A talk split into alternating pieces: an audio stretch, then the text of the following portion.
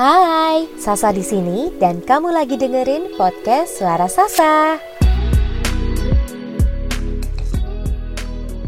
Hello guys, di awal kenalan dulu kali ya, karena kata peribahasa kan tak kenal maka tak sayang. Yang udah kenal aja belum tentu bisa sayang ya kan? Aku Saskia Maulidina, bisa dipanggil Sasa, bisa dipanggil sayang. Canda sayang. And this is Suara Sasa, my very first podcast. Jadi ya maafin ya gengs kalau banyak kurang-kurangnya.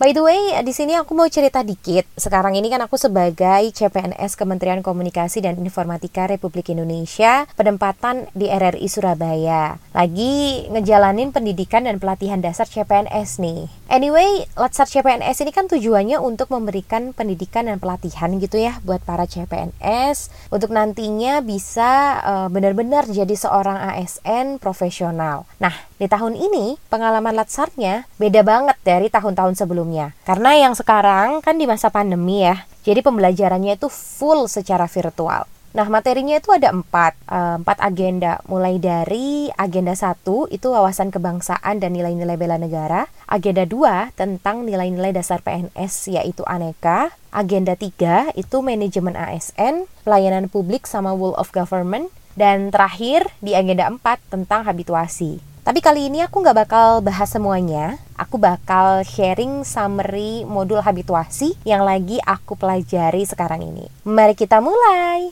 Oke, okay, kalau ngomongin tentang habituasi, secara harfiah itu bisa diartikan sebagai sebuah proses pembiasaan pada sesuatu supaya jadi terbiasa atau bisa juga diartikan terlatih untuk melakukan sesuatu yang bersifat intrinsik ya di lingkungan kerja. Indikator keberhasilan pembelajaran agenda habituasi ini adalah teridentifikasinya suatu kondisi nyata yang terjadi di lingkungan kerja dan secara spesifik memang terkait dengan tuntutan pelaksanaan tugas jabatan CPNS ya sebagai suatu isu yang muncul dan harus dipecahkan. Nah, setelah paham nih tentang konsep pembelajaran habituasi, selanjutnya gimana sih penciptaan suatu intervensi yang akan digunakan di pembelajaran habituasi? Jawabannya adalah konsep aktualisasi, yang artinya menerjemahkan ke teori ke dalam praktek, mengubah konsep menjadi konstruk, menjadikan gagasan sebagai kegiatan. Pembelajaran aktualisasi di Latsar CPNS dibagi jadi dua kegiatan pembelajaran utama. Ada pembelajaran merancang aktualisasi dan melaksanakan rancangan aktualisasi. Ada tiga kemampuan yang mempengaruhi dalam mengidentifikasi dan juga menetapkan isu, yaitu kemampuan melakukan environmental scanning, problem solving,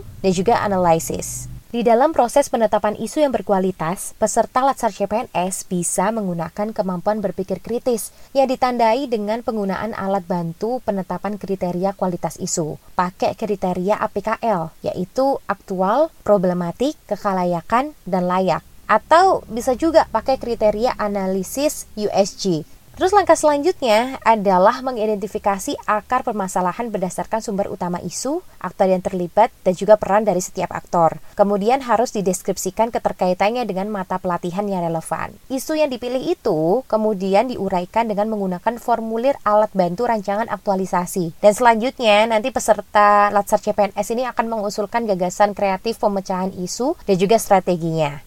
Jadi kegiatan ini selanjutnya akan diuraikan ke tahapan-tahapan kegiatan yang pastinya terukur dan juga bisa diamati, sehingga nanti bisa menghasilkan output kegiatan yang relevan dengan pemecahan isu. Untuk tahapan pembelajaran aktualisasi itu ada apa aja sih? Yang pertama ada merancang aktualisasi, kemudian mempresentasikan rancangan aktualisasi tersebut. Selanjutnya, melakukan aktualisasi, diikuti dengan melaporkan aktualisasi, dan yang terakhir adalah mempresentasikan laporan aktualisasi. Jadi di sini kesimpulannya adalah tahapan pembelajaran aktualisasi Latsar CPNS yang udah aku jelasin tadi itu adalah langkah nyata untuk bisa mewujudkan PNS profesional berkarakter sebagai pelayan masyarakat melalui aktualisasi substansi materi pokok yang udah dipelajari di setiap tahap pembelajaran. So, yang awalnya bersifat konseptual dan invisible bisa jadi nyata dan visible atau terlihat.